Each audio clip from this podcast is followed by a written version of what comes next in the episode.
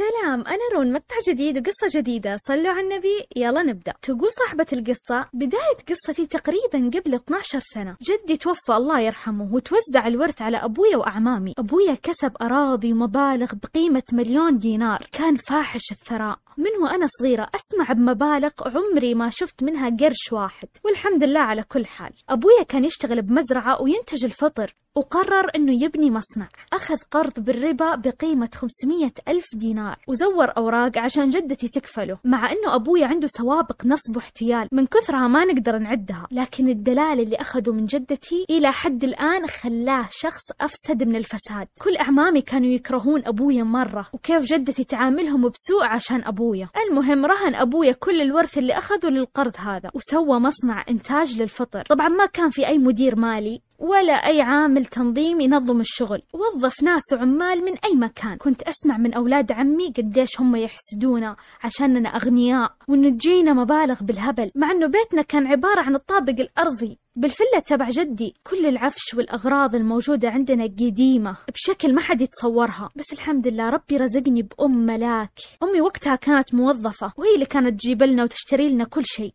ربتنا على الدين والرقي والاكتفاء وإننا نحمد ربنا على كل شيء. أبويا ما كان يصرف علينا قرش واحد. حتى المصروف أتذكر إني كنت آخذه مرة واحدة بالأسبوع. ولما كبرت نسيت إيش يعني كلمة مصروف. طبعا أنا كنت بمدرسة خاصة عشان وهم العيلة أننا أغنياء. مع أني مستحيل أنسى بكل صف أخلص وأطلع للصف الثاني ينادوني المشرفات تبع المدرسة ويقولوا لي قولي لأهلك يدفعون القسط تبع المدرسة ومرات ما يخلوني أختبر إلين ما يجون أهلي يدفعون الفلوس. جلست كذا حتى الصف التاسع أتوقع ثالث متوسط إلين ما جات المصيبة. العمال اللي أبويا مشغلهم نصبوا عليه وصارت على أبويا قضايا وتراكم القرض إلين ما صار 2 مليون. طبعا أبويا كان يصمم مزارع فطر للناس.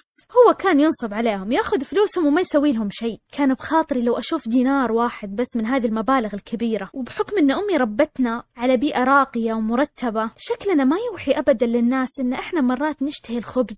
لكن الحمد لله على كل حال. لا تنسون تشتركون في قناتي على اليوتيوب رون وحسابي في التيك توك رون. أندرسكور 90 90 نكمل. ترى جاء رمضان واكتشفنا الطامة الثانية إن أبويا كان يخون أمي. كان يخونها مع زميلتها في الدوام. كيف عرفنا؟ زميلة أمي اللي أبويا خانها معاها أرسلت الأمي. أرسلت لها الرسائل وصور لها هي وأبويا مع بعض والهدايا وقالت الأمي إنها حست بالذنب. قررت إنها تفضحه. طبعا بوقتها زميلتها استقالت. كرهت أبويا كره مو طبيعي. طبعا زميلة أمي قالت لنا كل شيء. كان يجيب لها أحدث الجوالات ومسجل بنتها بأفخم المدارس ويرسل لها باقة ورد يوميا. وأنا وإخواني ما نأخذ إلا حسد الناس وكرههم وحقدهم لنا. أمي وقتها ما قدرت تستحمل. راحت وقالت لجدتي اللي هي أم أبويا كل شيء. وطبعا جدتي الله يسامحها طت الحق على أمي. قالت إن انت ما تكفينا وألتجأ للحرام بسببك. بعدها بأسبوع أبويا أنسجن لمدة سنتين. وبدون ما أمزح هذه السنتين كانت أفضل فترات حياتي مع أني ما أنسى كمية الذل اللي كنت أتعرض لها بالذات من أقرباء أبويا نظرات لا أحسد عليها وما أقدر ألومهم اللي سواه أبويا مو سهل لكن أنا وأخواني وأمي إيش ذنبنا؟ بس مع كذا ما كان يهمني شيء أهم شيء إنه هو مو موجود كأنه شيطان وطلع من بيتنا ورب النعمة. كانوا أهل أمي يساعدونها بحكم إن زوجها مو موجود وقدرنا نمشي أمورنا إلين ما وصلت لآخر سنة من الدراسة. ثالث ثانوي. أبوي طلع بوقتها عفو عام إنه يحاول يعني يشتغل ويسد الدين على أساس. تدمرت نفسيتي وتعبت تعب الله يعلم فيه. مرضت ونحفت فوق الثلاثين كيلو. طبعا أهل أمي رفضوا أن يساعدونها بعد ما طلع زوجها من السجن. هو بعد ما طلع أبويا كنت أشوف أمي كيف تتعذب وتبكي طول الليل. تطلع الصباح على دوامها وهي شبه جثة. تبها ما كان يكفي بنزين السيارة وأكل لمدة أسبوع. ووضعنا كل ماله يصير من أسوأ لأسوأ. تخرجت بمعدل نازل. ما كنت أقدر لا أدرس ولا آكل ولا أسوي أي شيء. عايشة على صراخ أمي وأبويا. بعدها بشهر جت الشرطة على البيت ومسكوا أبويا وانحبس للمرة الثانية. كان كل اللي حولي صحباتي أولاد عمي كلهم سجلوا في الجامعة. إلا أنا ما قدرت لأن ما في أحد ممكن يتحمل تكاليف دراستي في الجامعة. قررت إني أشتغل وفعلا توظفت في السوبر ماركت. أحاسب على الكاشير. بوقتها أمي قالت لخوالي إني توظفت وهم عندهم عيب البنت تشتغل غير بشهادتها ومنظر العائلة كيف ننزل لهذا المستوى. وخرابيط تبع البيئة المجتمعية وكلام الناس.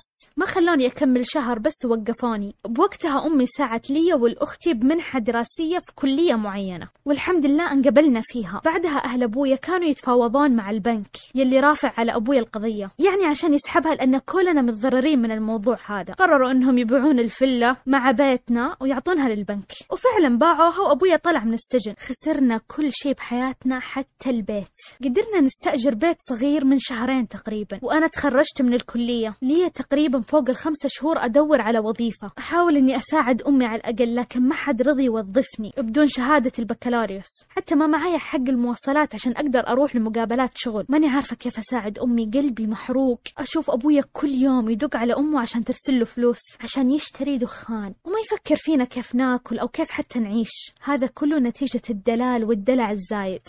أبويا راح يوصل للخمسة وخمسين سنة وما يعرف إيش يعني مسؤولية. خلاني أعيش بين ناس أنا ماني من مستواها. كل أقاربي أخوالي وأعمامي فاحشين الثراء. ماني عارفة أعتب على مين ولا مين. أبويا ما خلاله إنسان واحد يحبه أو يوقف معاه. كل ما أسمع صوت أبويا أقرف وأعصب. أمنع نفسي من إني أسبه أو أقول كلام مو كويس عليه عشان ربي بس. أنا همي بالحياة حاليا بس أكمل جامعة وأخذ الشهادة. أنا واثقة بربي إنه راح يعوضني ويرزقني باللي أحسن. انتهت القصة. الرأي الشخصي. والله أبوك هذا ما يستحق يكون أب أصلا.